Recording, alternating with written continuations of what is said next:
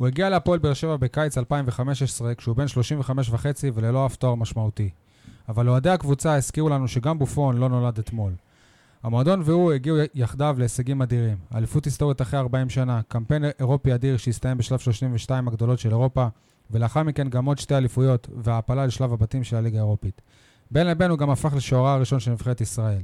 גם את העונה הנוכחית הוא פתח בשערה של הפועל באר שבע, אבל כחלק מסאגת השוערים הבלתי נגמרת, הוא עבר לביתר ירושלים. ביום שלישי, בזמן מרוץ באר שבע, הוא סיים את המרוץ שלו ככדורגלן במשחק נגד אתלטיקו מדריד. ספוטקאסט 7, פרק ספיישל מספר 121. יניב, תן לי פתח, כי כולם כבר רוצים לשמוע את דודו.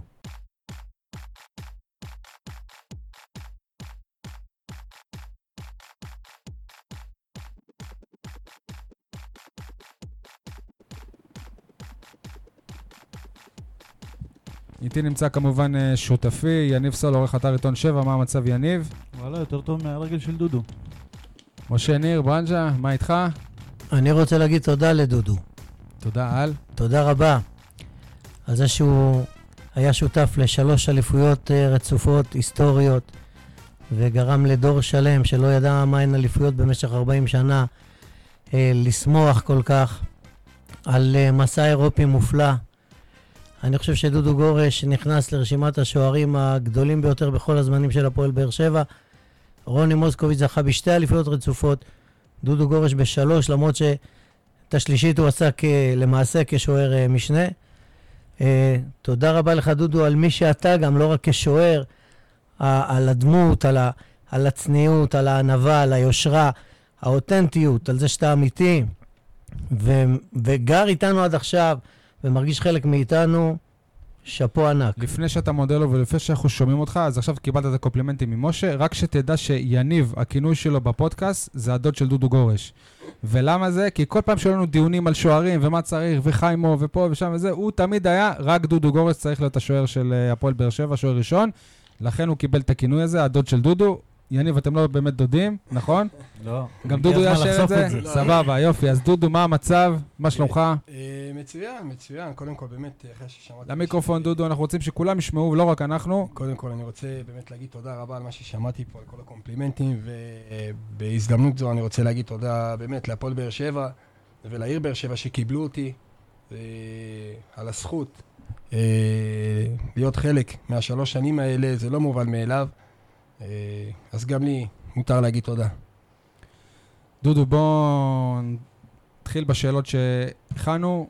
בופון עדיין אה, גדול ממך בשנה, בשנתיים וחודש, והוא עדיין אה, משחק. למה אתה כבר לא תשחק? למה החלטת באמת שזהו, אתה תולה את הנעליים?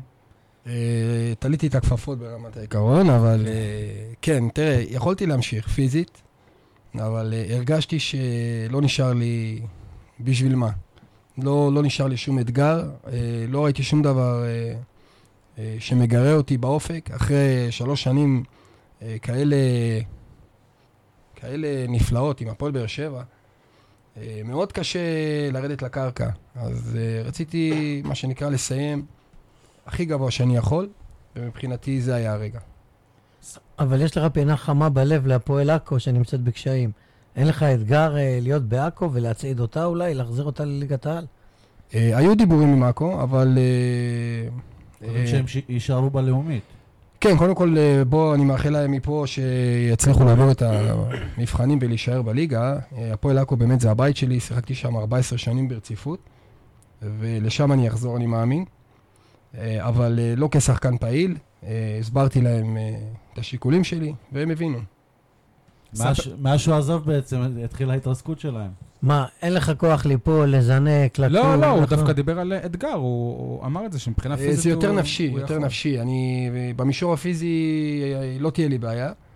אה, אבל נפשית לא מצאתי לנכון להמשיך, לא, לא... מקצועית אתה יכול לתת עוד כמה עונות טובות, גם כשוער ראשון, או שוער שני בליגת העל, או שוער ראשון בליגה לאומית, בשקט. כן, ואני מודע לזה. אבל... רגע, למה שוער שני בליגת העל? אני לא חושב שהוא... אני... לא אני, הלוואי והוא יחזור. עוד נגיע. הלוואי והוא יחזור להפועל באר שבע לעוד עונה. הלוואי ועונה הבאה, הוא יהיה שוער שני. אנחנו מקליטים את הפרק הזה ביום אה, שישי, זה בערך שלושה ימים אחרי שפרשת. אתה באת לפה צולע כי נפצעת גם במשחק הזה, אבל תספר קצת על השלושה ימים הראשונים שלך כשוער עבר. אני, אני נכנסתי היום לוויקיפדיה וראיתי שוער עבר. שם הם מעדכנים, אתה יודע, בלי... זה, זה היה מהיר. אה, כן, תשמע, אה, כרגע אני... זה מוזר. התחושות הן מאוד, מאוד, אה, מאוד מעורבות. אתה מרגיש הרבה דברים, קצת בלבול, אבל הדברים הסתדרו. כרגע אני בחופש, ינוח קצת, זמן למשפחה, זמן לעשות חושבים. אה, לסדר את הראש. אה, יהיה טוב. הפציעה לא רצינית? אה, כרגע אני לא יודע, כרגע אני עדיין צולע והברך מאוד נפוחה. אני צריך לעשות בדיקות בימים הקרובים, ונראה לאן זה הולך. אז לא נביא את טל קחלה לפועל באר שבע עכשיו בגללו. אגב, הוא זה שנכנס בי, אז... אני יודע, בגלל זה אני... אז גם הברך שלו התנפחה, גם הוא צריך, גם אותו צריך לבדוק. אז אם הוא יבוא, שיעשה לפחות... צריך לדבר עם אבא שלו. כן. טוב, אז מכיוון שאותנו המאזינים אותנו, אני לא מאזין, אבל את המאזינים, מה שבעיקר מעניין זה הפועל באר שבע, אנחנו נתמקד בתקופה שלך כאן. אפשר להגיד עכשיו, כשאתה עושה מין סוג של סיכום uh, קריירה, שההחלטה שלך בקיץ 2015 לבוא לפה הייתה ההחלטה הכי טובה שקיבלת בקריירה? אין ספק בכלל. אה, זה, התזמון uh, היה כל כך מושלם, כי היו לי הזדמנויות הרבה שנים לפני להגיע לבאר שבע, וזה לא צלח. וזה הבשיל ברגעים הכי נכונים מבחינתי ומבחינת הפועל באר שבע. הגעתי לפה, וזה היה פשוט... זה ברק בכר שפנה אליך? אה, כן. אה, הוא אישית? כן, הרי גם אה, שיחקתם ביחד, כן, נכון? כן. אם אתה יכול אה, כן, לספר אגב, קצת כן, על התקופה הזאת. שיחקנו בנוער של נווה יוסף. אה, וואלה. כן, שיחקנו, הוא היה שחקן, אני הייתי השוער, הוא היה מגן. ואיך הוא היה? תמיד הוא היה טוב, באמת. הוא היה מהיר. בצורה מחרידה. הוא עשה קריירה, אבל הוא לא היה שם שמדברים עליו, לא, כאילו, אתה יודע, הוא לא היה אחד המגנים הכי טובים בארץ, נגיד. אה, הוא היה מגן, לפי דעתי, בהחלט אחד, ה... אחד הטובים. נכון, הוא לא, לא לקח אליפויות, הוא לא לקח גביעים, אבל uh, אני זוכר אותו תמיד. Uh, איך הוא היה, כ... את ההתנהלות שלו כנער בחדר ההלבשה? אתה, אתה, אתה יכולת לדמיין שהמאמן הזה יהיה אולי המאמן מספר אחת שהילד הזה הוא יהיה המאמן אולי מספר אחת בארץ? לא, לא, לא. זה באותה תקופה, הוא, אתה יודע, עדיין ילד בן 18, והיה אה, מהשחקנים הבכירים בקבוצה, וצחוקים, וחברים. ושמרתם על קשר? אה, קצת, כן, בתקופה הראשונה כן. כל אחד מהקבוצה התפזרנו, וכל אחד שמר על קשר כי כל אחד הלך לקבוצה אחרת, היו איתנו עוד שחקנים. אה, ברמת העיקרון, מי שהמשיך לשחק שם באופן מקצועני, זה רק אני, הוא, ו... ועוד איזה שניים שאני אפילו לא זוכר, בליגות נמוכות יותר. אוקיי. אה, בעונת 2015-2016 היית השוער אה, הראשון של הפועל באר שבע ולא החמצת אפילו דקה אחת ב- בליגה הזאת, העונה ההיסטורית של האליפות ראשונה אחרי 40 שנה למועדון, אליפות ראשונה של, שלך. ואז קיץ 2016, אני ממש זוכר את היום הזה, אתה היית בארצות הברית, ופתאום הפועל באר שבע החתימה את uh, גיא חיימוב.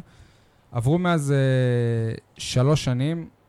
אני זוכר שגם כש, כששאלו אותך באותו קיץ, אז אתה, אתה לא הסתרת, וזה גם חלק ממה שאנחנו uh, אוהבים בך, שבאמת לא, לא, לא, לא, לא ניסית לייפות את העניין הזה, אבל עד כמה זה באמת uh, פגע בך, ואיך בכל זאת הצלחת להתאושש מזה. תראה, שוערים, בשונה משחקני שדה, הם אה, אוהבים להיות... אה, אוהבים להרגיש שסומכים עליהם, הם אה, צריכים לקבל את הביטחון ואת הפידבק אה, מהסביבה שלהם, אה, כי זה תפקיד מאוד טריקי ומאוד מסובך, וכל החלטה שלך היא צריכה להיעשות בשיא הביטחון. כשמביאים לך עוד שוער בעמדה שלך, שוער בכיר, אז זה מערער, מערער אותך, ו... ובהחלט זה מוריד מהביטחון העצמי, אבל אתה צריך להסתגל לזה. דודו גם לא יגיד את זה, אבל כשהוא יודע גם שגיא חיימוב היה סוג של חבר של אה, אבל ברק בכר. אבל, אבל גם הוא היה סוג של לא, חבר אבל, של ברק אבל פה הם שיחקו עונה, אה, גיא חיימוב היה גר באותו בניין או בית. אנשים של, שלו ושל ברק זה גם היה ברק, היה באמת איזה חשש שמעכשיו אני אהיה שוער שני? או שמיד ברק, הוא עשה לך איזה שיחת טלפון אם אני לא טועה. הרי גם איתו הוא שיחק בקריית שמונה.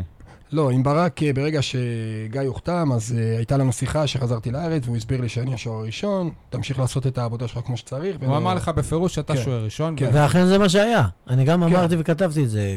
דודו גורש היה השוער הראשון. כן. לפחות בחלק הראשון. לא, זה היה... כמעט החילוף- עונה שלמה. כמעט עונה שלמה, זה בפלייאוף, לקראת הפלייאוף. נכון, והיית שוער ראשון, ובצדק שוער ראשון, וכמו שאמרת, בשוערות יש היררכיה ברורה. יש שוער ראשון, יש שוער שני. בגלל זה גם עכשיו אריאל הרוש מרגיש כל כך פגוע, שהוא בא כשוער ראשון, ופתאום הוא נהיה שוער שני. גם אם השוער השני משחק משחק אחד, כי השוער הראשון פצוע או מוצב, גם אם הוא היה הכי טוב בעולם, בדרך כלל השוער הראשון חוזר לשער והשני חוזר לספסל. אז זהו, ב... ובהפועל באר שבע זה קצת התערער, זה זהו, השתנה. אז כבר במהלך העונה שאתה פתחת אותה כשוער אה, הראשון, גם בליגה, גם, גם באירופה, אבל אז היה קטע שגיא אה, שיחק, ופתאום זה כבר לא היה ברור מי השוער אה, הראשון. איך אה, התמודדתם הסיטואציה הזאת? אה, זה, תראה, אני בעכו הייתי 14 שנים, ואז בבאר שבע שנה 15 רצוף, אה, לא פספסתי אף משחק. היית גם קפטן בעכו, נכון? הייתי קפטן בעכו, ו... ופתאום זו תחושה מוזרה שפתאום אתה מוצא את עצמך בחוץ, ואני אכלתי כף על הפנים, זה לא היה, לא היה לי פשוט. אה, אתה לא יודע איך להתארגן למשחק, אתה לא יודע, פתאום אה, אתה מרגיש כמו דג מחוץ למים. אה, בהחלט הי- הייתי צריך לעבור סוג של הסתגלות לעניין. ואיך איך עברת את התהליך הזה? זאת אומרת, היה מישהו שדיבר איתך? מי עזר לך בזה? במועדון, איזה מנטור מחוץ למועדון? אני לא יודע, עם, מי- אתה מדבר בתקופה הזאת? עזריה, מי? לא, בכלל בקריירה שלי היה בן אדם שהוא תמיד היה ברקע, זה משה בן דוד, מאמן שוערים, שהוא בעצם זה ש... שגידל אותי, מה זה גידל? הוא הפך אותך מקשר הוא הפך אחורי אותי ל- בעצם, כן, מקשר, לשוער. מקשר לשוער. ובמהלך כל התקופה תמיד היינו בקשר, והוא היה סוג של אה, מנטור עבורי, וביחד עשינו הרבה שיחות ודיברנו.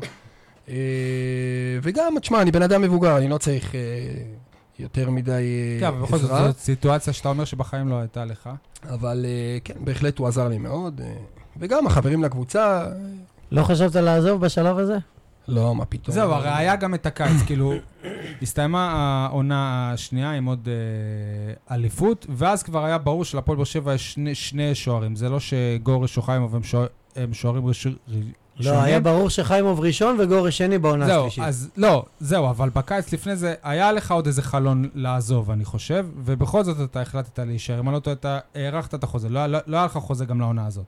אז איך בכל זאת, אה, ולמה בכל זאת החלט- החלטת כן, כן להישאר? כי ראיתי לנכון את העובדה שאם אני אמשיך לעבוד קשה, אני אחזור להיות השוער הראשון. אה, ואם אתם זוכרים, זה בהחלט קרה. כי באירופה את המשחק נגד, אה, אני לא זוכר, זה היה בצ'כיה נגד פלזן? פלזן. שם אני חזרתי להרכב. לא פלזן. כן, כן. לא, לא, פר- פראג, הייתי לא. לא. פלזן, הוא צודק, פלזן. פלזן שהתפוצצה בדיוק הפרשה של שיר צדק, וגיא נכון. חיימוב היה פצוע לפני זה נכון. נגד אה, הפועל חיפה, פציעה בכתף. נכון, אז שם חזרתי להיות השוער הראשון, נכון. ובעצם זה המשיך עד אה, מכבי נתניה, אני חושב שזה סיבוב שני של הליגה, ושם בעצם אה, עוד פעם נוצר חילוף ביני לבין גיא. אה, אבל אה, באמת אה, עשיתי לעצמי את הסוויץ' הזה בראש, והבנתי שצריך להילחם על המקום שלך, ושבאר שבע זה המקום שלי, ופה אני רוצה להישאר. ו... אז למה עברת לבית"ר ירושלים? רגע, שנייה, עוד לפני זה. אני חושב שלכולם היה ברור שבהפועל באר שבע מחכים לאיזושהי הזדמנות לשלב את חיימוב, כי הרי לא הביאו אותו סתם והוא צריך לקבל דקות וכל הקטע של החברים. עכשיו, היה את המשחק של הנבחרת, נראה לי המשחק הכי גדול בשנים האחרונות, אתה... כאילו, אתה מבזבז זמן דקה 70 או משהו כזה, מקבל- אלבניה בחוץ. אלבניה בחוץ, מקבל כרטיס צהוב שמונע ממך לשחק במשחק שאחרי זה, ואני אומר לעצמי בבית, הנה ההזדמנות של ברק בכר, לספסל אותו. כי אם דודו לא יהיה שוער נבחרת עכשיו, אז, אז מי, מי ידבר על דודו, על זה שהוא לא שוער ראשון בבאר שבע? וזה באמת מה שקרה. אה, תראה, כן, אה, ברמת העיקרון, בתקופה ההיא ביססתי את המעמד שלי כשוער ראשון גם בנבחרת, והיה לי שם תקופה נהדרת, ואז הגיע הצהוב השני, אה, שבעצם מנע ממני לשחק נגד אה, ספרד בחוץ. שזה... אבל זה היה, אני חושב, משחק השיא שלך, לא זה שעצרת שם פנדל? מקדוניה, לא, אה, זה משחק אחד אחר. נכון. אני, לא- אני מעדיף לחשוב שברק, אני לא, לא חושב שברק עושה שיקול, אני מקווה מאוד גם שלא, שאלו היו השיקולים שלו, כי ברק הוא באמת מקצוען ואמיץ בהחלטות שלו, ואם הוא מחליט משהו, הוא עומד מאחורי ההחלטה שלו, ואני אני בטוח שהוא לא עשה את זה מהמקום הזה. הקיץ הזה, האחרון, לפני שנה, התחלתם אותו שוב באותה הסיטואציה שאתה וגיא חיימוב השוערים של הפועל באר שבע. ואז אתם במחנה אימונים בפולין, ופתאום בצהריים מלא ידיעות שיואב כץ אומר ששטקוס כבר סגור בהפועל באר שבע. אני חושב שהייתם בדיוק בארוחת צהריים. במלון, לפי הסיפורים, גיא נפגע מאוד, הוא, הוא, הוא, הוא נטש את הארוחה, הלך להסתגר בחדר. תספר לנו מה קרה שם באותן דקות. ל- לך, ממה שאתה יודע לגיא, איך זה, איך זה ער- ער- ערער אתכם כשוערים, ערער את המערכת. כמו שתיארת, הוא קיבל את זה באמת בצורה לא פשוטה. אגב, גם היו הרבה שאמרו שהוא התפרץ שהוא וקילל. השתולל וש- תראה, אני. לא ראיתי את ה... אני, כשהגעתי לחדר אוכל, הוא לא היה... אני לא ידעתי בדיוק מה קרה. אה, הוא פשוט אה, קם ונטש. אני לא יודע אם הייתה התפרצות, אני לא ראיתי. יכול להיות שכן, אני יכול להיות שלא, אני פשוט לא הייתי. אבל כשהגעתי ראיתי שהוא לא נמצא בחדר אוכל. אה, הייתה לו שיחה כנראה. גם- ואחרי זה גם היה אימון והוא לא בא לאימון, כן, נכון? כן, היה שם את כל העניין הזה, ו... בסדר, בהחלט, אני יכול להבין אותו. בתור אחד שחווה את זה בעצמו, אז אני יכול להבין את את סערת הרגשות שלו. זהו, לך זה כזה קרה פשוט כשאתה בניו יורק בחופש ולא ממש אמור ל- לעלות אחרי זה לאימון, לכן הסיטואציה כן, הסיטואציה לא הייתה פשוטה. גם כי היינו ממש אה, שבוע וחצי לפני... לפתיחת הליגה. אני אומר שהטעות הזו השליכה על כל העונה הגרועה של הפועל באר שבע, ובגללה הפועל באר שבע לא זכתה באליפות רביעית ברציפות. הטלטלה הזאת בעמדת השוער שהובילה לכדור שלג, אחר כך לכל מיני מערכים אחרים בקבוצה, פירקה את הקבוצה לגמרי. מה אתה חושב על זה, דודו? אני חושב ששוער זו עמדה אה, מאוד מאוד חשובה, קריטית, למ... לכל המערך של הקבוצה, אה, וראו את זה ברגע שאתה מטלטל את העמדה הזאת, בעצם אתה מטלטל קבוצה שלמה. אתה לא מטלטל רק את השוער, אתה מטלטל את כל המערך. אה, להגיד לך שאם לשים באמת הנקודה שזה, בגלל זה הפסדנו את האליפות, וזה זה מאוד קשה לדבר. אה, מאוד קשה, מה שנקרא, לחזות ולהגיד שזה בדיוק מה שגרם. יפה שאתה שחקן בית"ר ואומר הפסדנו. אה, הוא התחיל את העונה פה, אה, מה? לא, בתקופה יש ההיא לו- יש לו הופעה רשמית העונה בהפועל באר שבע גם. בליגה לא, אבל באירופית יש לי חמש הופעות. בוא נדבר שנייה על ההחלטה עצמה. רגע, שנייה, שנייה. כן. הוא אומר שהעמדה של השוער יכולה לטלטל וזה. אז כאילו, כשבהפועל באר שבע מתאמנים, העונה, חמישה שוערים שונים- שונים, ארבעה מהם קיבלו דקות מתישהו העונה. זה אומר הרבה אה, לגבי הקבוצה. אה, הייתה באמת אה, תקופה מוזרה עם כל עניין השוערים, הייתה תקופה באמת שהתאמנו ארבעה, חמישה תקופה שוערים. שהי- שהייתם אתה, אנסטיס וחיימוב, ששניהם כבר היה ברור שהם לא גל נבון. ו... גל נבון, ואלעד קרן, תקופה מסוימת. גם ארוש היה. גם איתם? לא, אני לא לא חושב. היה כן, תקופה שהוא וואלה. היה, כן, כן. אני- חושב כן. שאפילו השוערים הצעירים הם עברו לשחק כשחקני שדה מרוב ש... באנו פעם אחת לאימון, ראינו כן, שישה שוערים, כן, השתגענו. תספר על זה, איך, איך, כאילו, אה, איך- האימונים ככה? תראה, בגדול אתה לא יכול לאמן את כולם, אז הצעירים היו בצד, התאמנו באופן אה, לא, אישי. אבל, אבל לבוא לאימון לא, ויש לא. פה פיגורות, יש פה את כן. חיימוב, יש פה שוער זר, יש פה... כן, לא, לא פשוט. תראה, בגדול גיא גם לא התאמן איתנו באופן מלא, כי הוא ידע בעצם שהוא לא חלק מה, מהקבוצה. אה, אבל באמת, הטלטלה הזאת הייתה לא פשוטה לכולם, אבל זה היה לזמן קצר. איך היה לשבת על הספסל ולראות שוער אה, יווני, אנסטיס, חוטף גול אחרי גול בצורה הזויה, ואתה יושב ואתה יודע עזוב שאתה את יכול זה לעשות... עוד, עוד לפני זה, שנייה. היית אמור לפתוח במשחק הזה. זה היה ברור לכולם שאתה פותח. מתי התמונה היא, אה, השתנתה, ועוד לפני מה שקרה, האם אתה, האם אתה, אתה, חש- אתה חשבת שאנסטיס בשל לפתוח בהרכב במשחק כזה? אה, תראה, אני לא מתפקידי לבוא ולנתח את אנסטיס, אני יכול להגיד לך שבהחלט... אה, היום כבר כן. היום אתה יכול להיות פרשן. כן, לא, אבל, אבל בתקו- בתקופה היא לא... מה שנקרא לא שאלו את דעתי, אבל, אבל זה הפתיע אבל את אה, בהחלט, כולם. אה, בהחלט... אה, היה ברור שאתה פותח, נכון? כן, היה התרגול, אני תורגלתי לפתוח, כי בכל זאת אה, מגיע שוער זר, ו- ועדיין לא מכיר את כל הסביבה ואת האנשים, וצריך לעבור סוג של... אה, ומתי להשתלב. בעצם... אה, תורגלת לפתוח, אז מה, אה, ברק בכר קיבל הוראה מלמעלה, מאלונה ברקת, להכניס את השוער הזר, כי הביאה אותו לאירופה. תראה, אני לא יודע אם זה החלטה של אלונה, אבל uh, ברק לקח אותי, אני חושב, יום או יומיים לפני המשחק, ואמר לי, תקשיב, uh, החלטתי שהנסטיס יפתח. Uh, הבאנו אותו בשביל, uh, נו, בשביל המסע האירופי, ו... ו... וזהו, ואמרתי לו, ברק, אני, אני מאחוריך בכל החלטה, אם אתה צריך אותי, אני פה.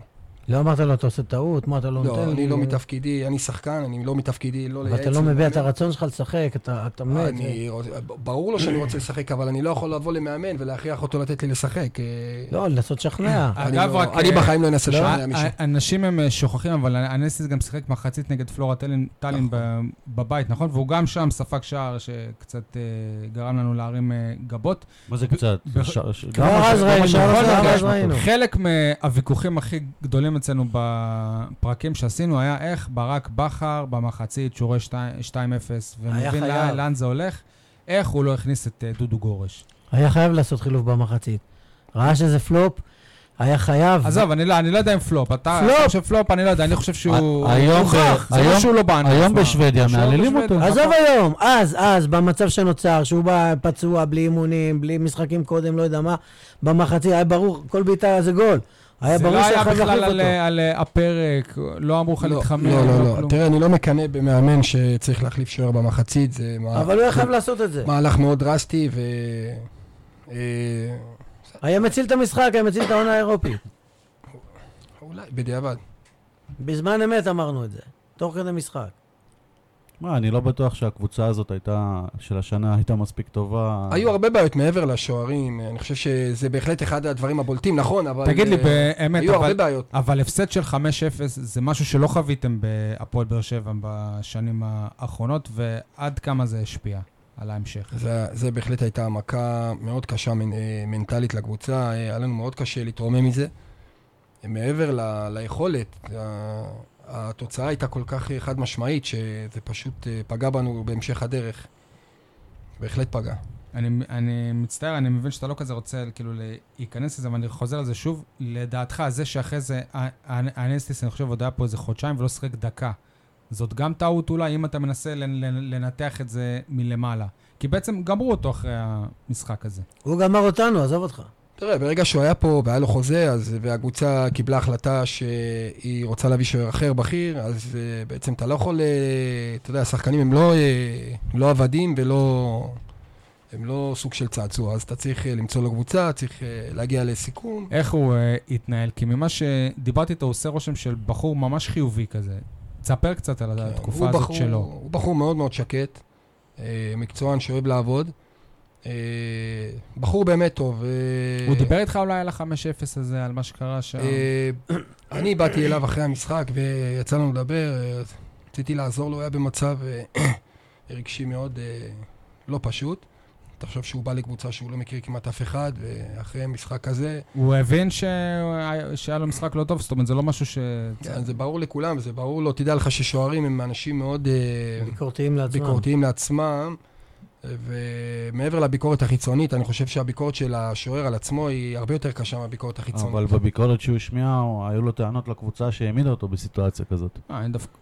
לא יודע, לא שמעתי אותו יוצא נגד הפועל באר שבע, אבל אני חושב שדווקא היה מאוד... אה, אותי, אותי מעניין כן. צד אחר בכל הקטע הזה. אתה משחק, נותן עונה גדולה, העונה הכי טובה שלך, העונה הכי טובה של שוער בשנים האחרונות של הפועל באר שבע, לוקח אליפות, מוחלף. אחרי זה חיימוב נותן עונה, גדולה. עונה גדולה.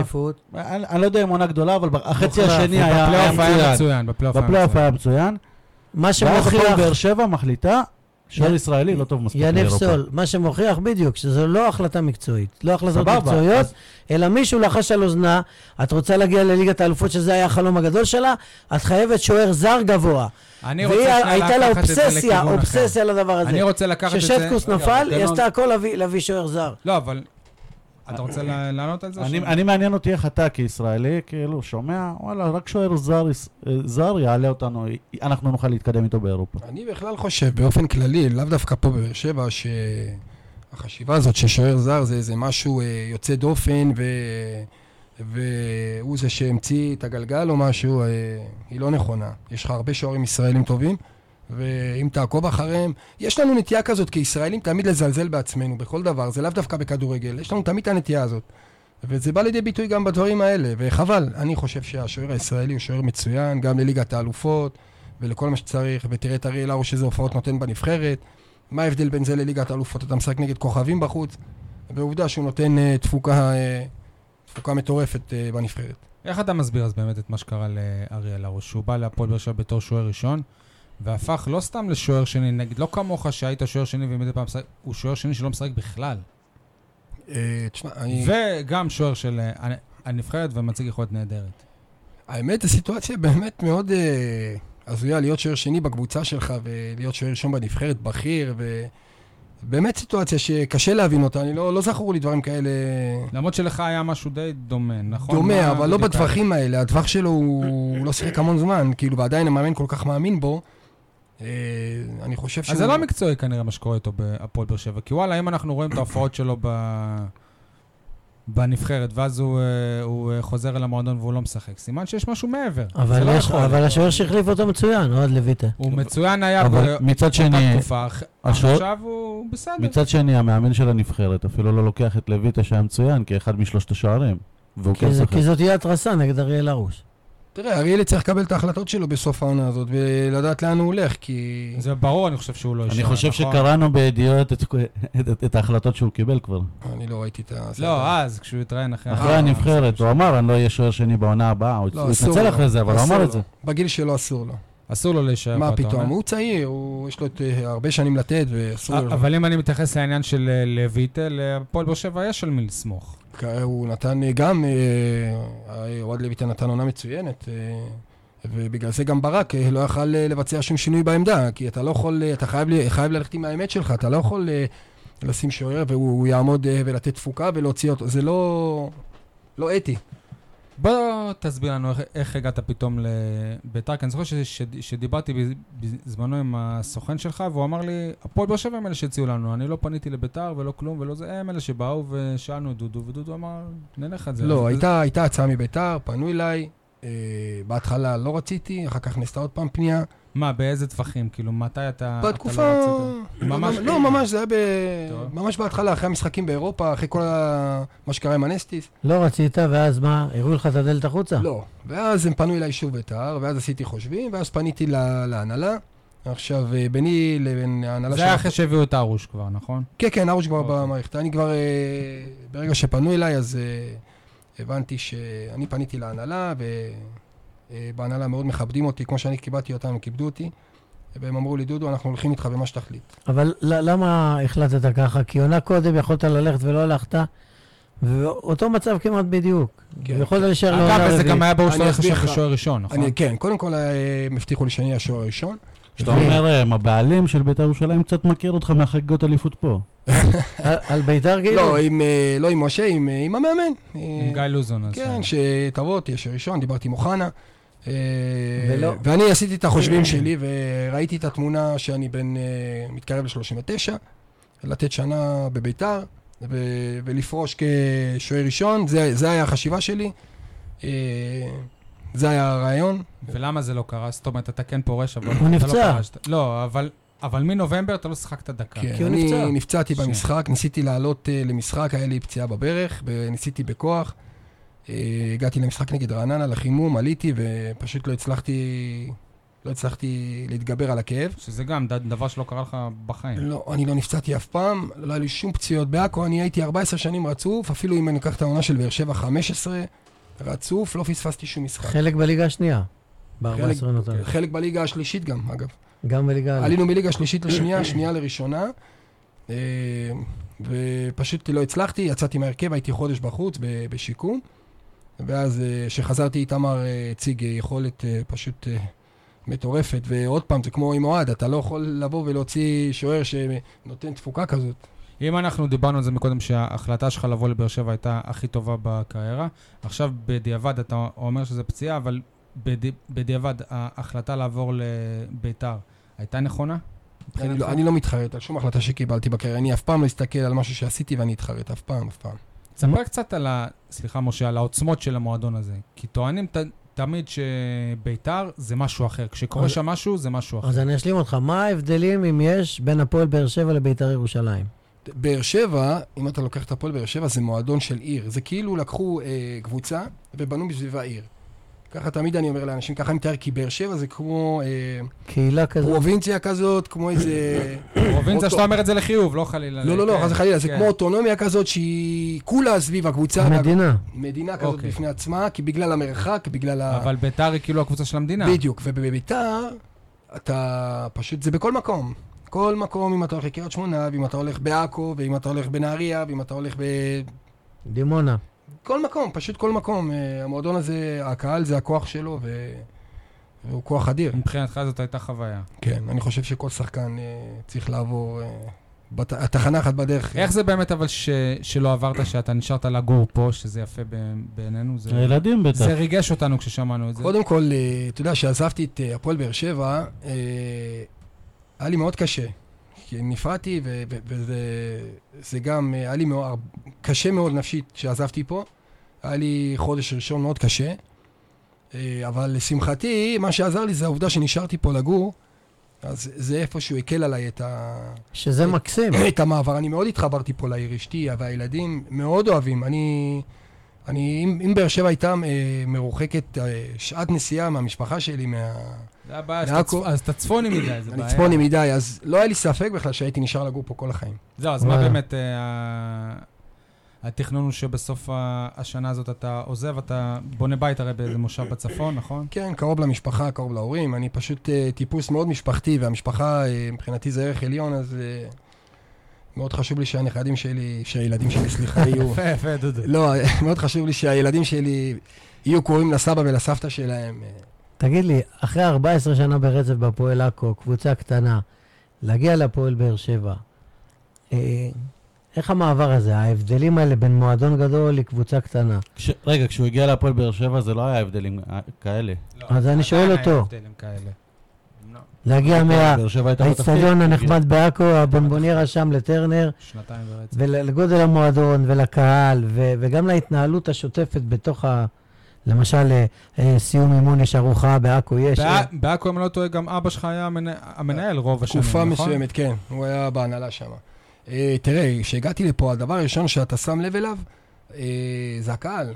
זה העיר סביב הקבוצה, וכולה אה, תומכת בקבוצה. זאת אומרת, איפה שאתה הולך, אתה הולך, אתה רוצה לקנות עכשיו סלון לבית, אז אתה בא, הוא... קיבלת אותו בחצי מחיר. בדיוק, זה, הם כאילו מתגייסים, אני אביא לך אותו, אני אצבע לך את הבית, אני אעשה לך את זה, וההתגייסות פה והעזרה מהתושבים, אתה פשוט מתאהב בעיר, לא יעזור כלום. והמועדון עצמו, הקבוצה עצמה. המועדון עצמו, שאני היית בהלם מההבדלים, כאילו, בה- בהתחלה, בהתנהלות? בהתחלה ההבדלים לא היו כאלה גדולים. המועדון הזה, שאני באתי, הוא כאילו היה בשלבי צמיחה. כשהמועדון הזה נכנס לטרנר, פתאום אה, נעשתה שם אה, סוג של הבנה ש... ש... שזה מועדון ענק.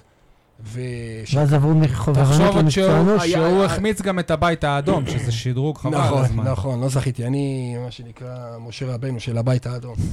חיכיתי הרבה שנים. אני מהרגע שבאתי, חתמתי, אמרו לנו עוד ארבעה חודשים, אתם עוברים לבית האדום. שמעתי את זה שלוש שנים. אז כשסיימו אותו, אני עברתי. שמע, כשהוא הגיע זה היה לפני שכאילו פתאום התחילו עם כל המקצוענות של ה-GPSים יותר. נכון, נכון. עדיין וסרמיל, עדיין וסרמיל. אם אתם זוכרים, שיחקנו בטדי. התחיל, הביאו אנשי מקצוע יותר גדולים, נכון. והצוות התחיל להשתדרג. אני הייתי חלק מהצמיחה של כל המועדון, אה, ראיתי את הכל, איך, הכל קורה, איך הכל צומח, הכל... אה, ואגב, כשהוא מדבר על נכדים, הוא מדבר על אה, גיא ויזינגר. ספר גיא- לנו באמת, הנה, אז אתה מוביל אותי, אני רציתי קצת לשנות את הסדר, אבל בסדר. אני זוכר שאחד האימונים הראשונים בעונה היא שאתה באת, פתאום אני רואה ילד, גיא ויזינגר, בא וצועק על דודו גורש באמון, חבל, אז- וצועק, אני אומר לכם, צועק. דודו, איך, כאילו, אה, איך החיבור הזה עבד? כי, כי זה עבד, זה עבד טוב. כן, כן. גיא, קודם כל, גיא, הוא... פגשתי אותו, שחתמתי, אה, הוא התקשר אליי, והוא מהצפון, מהקריות שכן שלי. אז נפגשנו. אבל לא הכרת אותו. הכרתי את השם שלו, לא עבדנו אף פעם ביחד. אוקיי. אה, ואז נפגשנו, דיברנו, ראיתי בעצם מי יש לי עסק. קודם כל, אתה רואה שהבחור מאוד צעיר. ומהר מאוד הבנתי שיש פה עסק עם מקצוען רציני.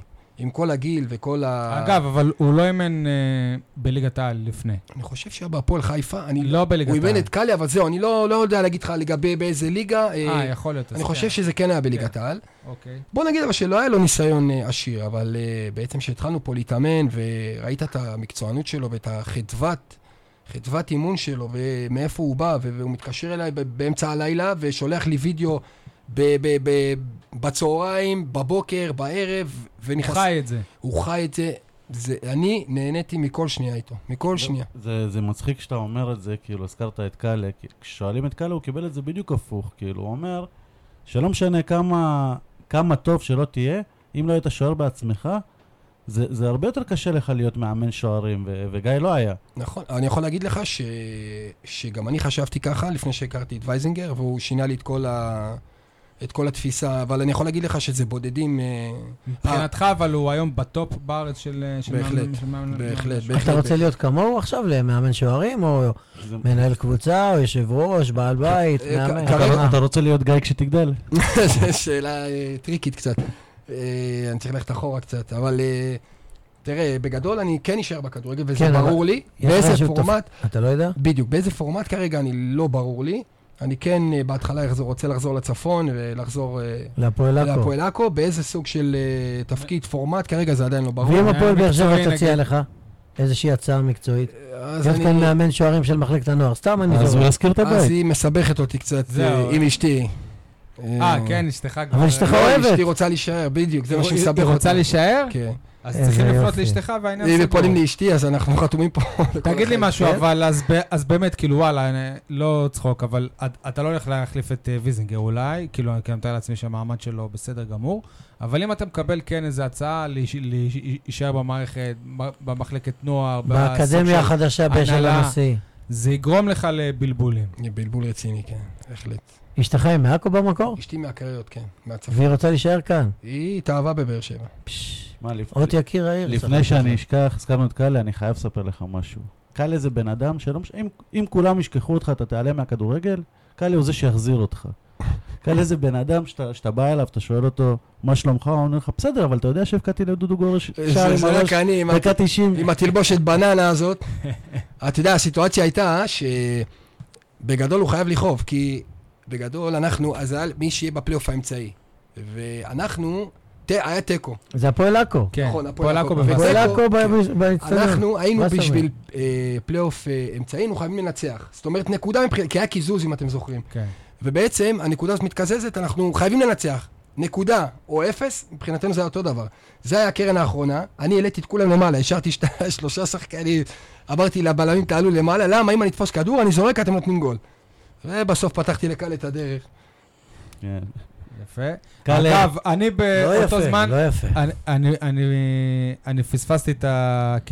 את הקטע הזה שהשוער תפסנו של... את הראש, בח- זה גול ראשון, אה, בפעם הראשונה בהיסטוריה, אני באותו באצטדיון שלנו, ששוער נותן גול. הייתי במשחק של מכבי באר שבע בליגה הלאומית נגד נצרת עילית, אני חושב. זה השלב שלי אני- בתגובה. אני מתקשר בעונת האליפות, כזה לקבל ממנו פרשנות. תגיד, איך, איך דודו כשוער, מי אתה חושב שצריך להיות? אה, דודו, זה, בעונת האליפות השנייה. בסדר, אבל אתה יודע שהפקדתי בדקה 90. בגלל זה הוא אוהב אותי, נראה לי. הוא אוהב אותי מאוד, אנחנו בקשר אגב. יפה.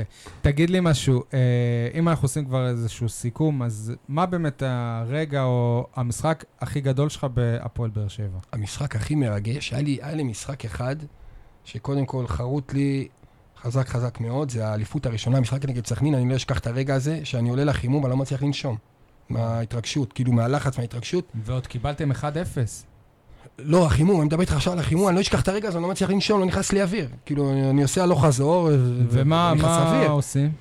ואז פתאום ה-1-0 הזה שקט באצטדיון, אבל זה הסתיים אה, בצורה מאוד מתוקה, ואני חושב שהמקום השני בעצם שגרם לי להתרגשות מאוד, אה, שחרוט לי גם, זה אה, הניצחון בסנסירו.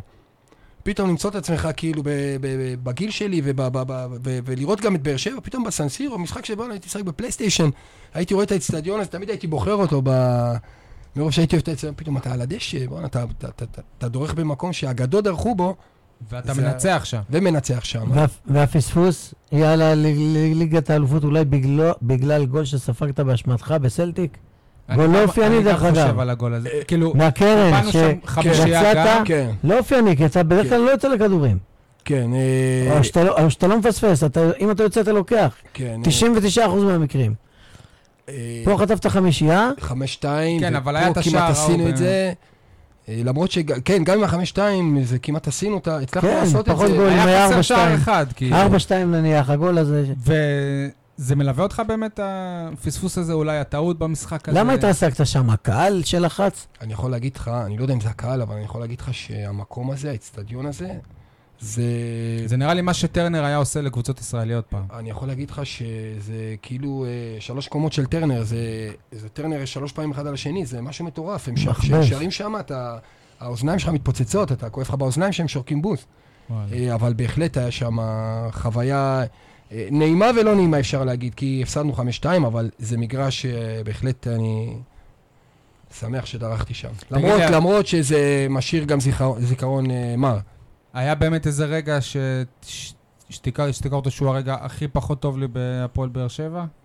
שזה אף- אף לא. פעם לא היה לי רגע כזה. הזיכרונות שלך הם רק, הם אשכרה הזיכרונות הם רק טובים. מה תגיד לי, ילד? רגע, אני רוצה להחזיר אותו אז לזיכרון פחות טוב. דודו, תגיד איך זה שבאליפות הראשונה אף אחד לא דיבר על המשחק רגל שלך, ו- ופתאום כשהיה את המעברים בין אה, חיימוב לבין... פתאום המשחק הרגל של דודו לא טוב. זה מה שעושה את ההבדל בין גיא לדודו. הוא אני לא מספר שהוא היה. קשר. רגע, משחק הרגל של... אחורי, אחורי, זה זה משחק- אנטי, אל דפנסיבי. משחק הרגל של חיימוב במכבי חיפה פתאום יותר טוב? לא, אבל אתה יודע שראיתי עכשיו מול אתלטיקו מדריד, בעיטה אחת שלך לא מדויקת שהגיעה ל... ל- אגב, אגב, זה... אמרתי, הנה, משחק הרגל שלו. לא, זה בדיוק יצאתי כי... שם החלטתי לצאת, כי הפציעה בברך בעצם... לא, שהגעתי- לא, לא בפ- לא בפציעה, לפני. איזה כדור, בר- נדמה לי לא, לא, ברגל זה- שמאל. זה אחרי הפציעה, שבאתי לבעוט, בעטתי אותו והכדור... שטוח. נכון, זה בגלל הפציעה, אני הברך שמאל קרסה לי והרגשתי שאני אז חייב, ביקשתי חילוף. אז בוא תדבר אבל שנייה על אה, משחק הר... ה- הרגל, כי זה גם דבר שהיינו מדברים עליו, כי זה מה שהסבירו לנו. זה, זה ההבדל, כאילו, הקטן בין גורש לחיימוב. תראה, אני יכול להגיד לך שאני באתי, גדלתי ב... בתקופה שמשחק רגל מבחינת שוער, לא היה צריך. הוא היה מקבל כדור. שוער, מרים בידיים. היה לך שתי. דברים לעשות, או לתת כדור עם היד, או לבעוט הכי גבוה שאתה יכול, וזהו, בבעיטת חמש. לא היה, לא נהוג בכלל, משחק חמש. אז הכדורגל הוא השתנה בקטע הזה? בטח, היום השוער. הפך לבלם. ברור. אבל גם אני לא חושב שזה כזה כל כך משמעותי, זה כאילו. היכולת ש... לא, לא, הוא לא, הוא לא, אני לא הוא חושב שבינו לבין משמעותי בשיטת המשחק הרבה של הפועל. באר שבע, שמשחקים הרבה. קשת הנעת הכדור. מאחור, ומשתמשים בשוער, בעיקר כשיש שלושה בלמים, ובטח באירופה כשלוחצים אותך גבוה, הוא משמעותי מאוד. אה, איך אתה אוהב לא להקשיב? אני מסכים איתך שזה משמעותי, אני לא חושב שחיימוב הוא אומר הוא יותר טוב חיימוב. יותר טוב, הרגל. יותר טוב. ראינו במכבי חיפה. חיימוב יותר טוב מגורש. חיימוב יש לו. אה, איזה ארבעה חמישה שערים אולי ישירים. הוא העונה. יענה. לא, תראה, אתה- קודם כל, אה, גיא, באמת יש משחק רגל טוב, אבל אה, מה שאני רואה, המשחק רגל של גיא במכבי חיפה נפגע אך ורק בגלל הביטחון העצמי והשקט. כי בשביל משחק רגל, אתה חייב ביטחון אבל זה- ושקט. זה מה ש- מעבר ליכולת. אבל זה מה שאני טענתי לגביך, כי בעונה הראשונה לא דיברו על משחק הרגל שלך, ובעונה השנייה, ברגע שהתחילו לדבר, פתאום הביטחון שלך, ראו שבמשחק הרגל, אתה, אתה שמעת את זה, וכל בעיטה שלך זה היה נראה כאילו שזה... אז זה פגע בך. באמת? אתה חייב? אתה שוער בשביל משחק רגל חייב שקט נפשי, כי זה הרבה מגיע משקט, כי אתה עושה את הפעולה בעצם, ואתה לא יכול, אסור לך לטעות בה. כי כל טעות במשחק רגל זה גול. ושמעת גם את. הרכשים מהקהל? זה משפיע, בטח שזה משפיע. שנייה רגע. אז היום אתה רואה את זה משפיע על גיא, וגיא יש אתה משחק אומר, רגל טוב. אתה אומר שאתה תישאר, אתה תישאר בתחום. יבוא לך עכשיו איזה מאמן של, של קבוצה ויגיד לך, דודו, אני, אני מתלבט, אני רוצה שוער אחד טוב ושוער שני, או להביא שני שוערים טובים שיתחרו. מה עדיף? כמישהו ש... תראה, זה מאוד תלוי, אני אגיד לך למה. אה, אם. אתה משחק בקבוצה, קבוצה תחתית, קבוצת אמצע, אין טעם להחזיק שניים, אוקיי. גם מבחינה כלכלית. אבל אם אתה, אתה רץ לאליפות, אם אתה רץ אירופה. לאליפות, או אירופה, אתה חייב שניים, למה? מחר השוער הראשון שלך נפצע, אתה לא יכול לשים קבוצה שהתקציב. שלה 40 או 50 מיליון על שוער. כי אתה לא אוקיי. משחק פתאום עם ילד אבל, בשער. אני, אבל אני אשאל את זה אחרת, אבל האם אתה, אתה חושב שהתחרות צריכה להיות פתוחה כל, כל הזמן בין שני השוערים האלה? או שבכל זאת יהיה אחד שהוא ראשון קבוע והשני רק אם הראשון הוא יש דוגמאות בקבוצות אירופאיות שיש שוער לליגה ושוער לאירופה. זה גם מה נכון. שהם עשו אני באיזושהי כן תקופה. חושב שאם אתה בקבוצה... צריכה להיות היררכיה. זה... תראה, ברגע שאתה מביא שתיים בכירים, אז בעצם כבר פגעת בהיררכיה. אתה לא צריך להגיד כלום, פגעת. אתה צריך כמאמן לדעת איך אתה מתמרן ביניהם ואיך אתה שומר על שניהם, גם עם ביטחון וגם עם שקט וגם בכושר טוב. כי אם השוער ההוא לא ישחק עכשיו ארבעה, חמישה חודשים, הכוש- הכושר אה, משחק שלו ושלא נפגע. יהיו מתוסכלים, וצריך. להיות להם מבנה אישיות אה, כאילו- זה, ולא קנאה ביניהם, וצרות עין. אז אתה... גם אתה צריך לבחור את השוערים הנכונים לסיטואציה. הנכונה. חומר אנושי גם. בדיוק, זה מאוד חשוב. תגיד לי, בואו נדבר עכשיו באמת על שוערים ישראלים בארץ. אנחנו רואים את גיא חיימוב, פה היה טוב, בחיפה הוא לא טוב. אנחנו רואים את לויטה, שבחיפה כשהוא שיחק היה גרוע, פה הוא, הוא נהדר. ארוש הוא בנבחרת נהדר, פה הוא לא משחק. מה קורה עם השוערים ב- הישראלים בכדורגל הישראלי? תראה, זה לאו דווקא שוערים ישראלים, בכ- לכל שחקן, שוער, בכל תפקיד, יש עונות טובות ויש עונות פחות טובות. אה, אתה לא יכול להיות טוב עשר שנים רצוף, זה, זה, זה לא הגיוני, זה לא אם יקרה. אתה ככה, אז אתה לא תהיה פה כנראה, אם אתה נכון. שומר על אה, יציבות כזאת. זה, זה בדיוק. אז אה, אני, אני תמיד אמרתי שיש הרבה שוערים ישראלים טובים, והרמה של כולם, פלוס מינוס, ממש דומה. זאת אומרת, טיפה ל- למטה, טיפה למעלה. ה- השאלה היא באיזה כושר משחק השוער שלך, ואיך אתה מי שומר עליו. מבחינתך אבל הם הטופ היום בכדורגל הישראלי? הטופ ש- ש- שלוש של שוערים ישראלים? האמת יש יותר משלוש, אם אני שם, אני לוקח... אג'ידה, לא. ישראלים, ישראלים. הוא אומר, אה, לפי דעתי, יש לך את אריאל. אה, אני כן רואה את אה, איתמר ניצן, עשה התקדמות אדירה. ובכל זאת הם הם. רוצים להביא את שטקוס. לא, אני חושב שאיתמר לא. ניצן לא מספיק טוב. זו הייתה לו הבלחה של כמה משחקים. הוא בעיניי שוער חלש. אני לא, לדוגמה לא, לא. חושב שהוא נמוך מדי. זה כבר שיקולים אחרים, אוקיי. אבל... אה, אז כן, כן, יש לך. הרוש, ניצן, יש לך גם את, אה, את גרפי שהוא כישרון, אה, כישרון עולה. דני עמוס, יש לך את דני. אני חושב שזה חמישה, שישה. קנדיל.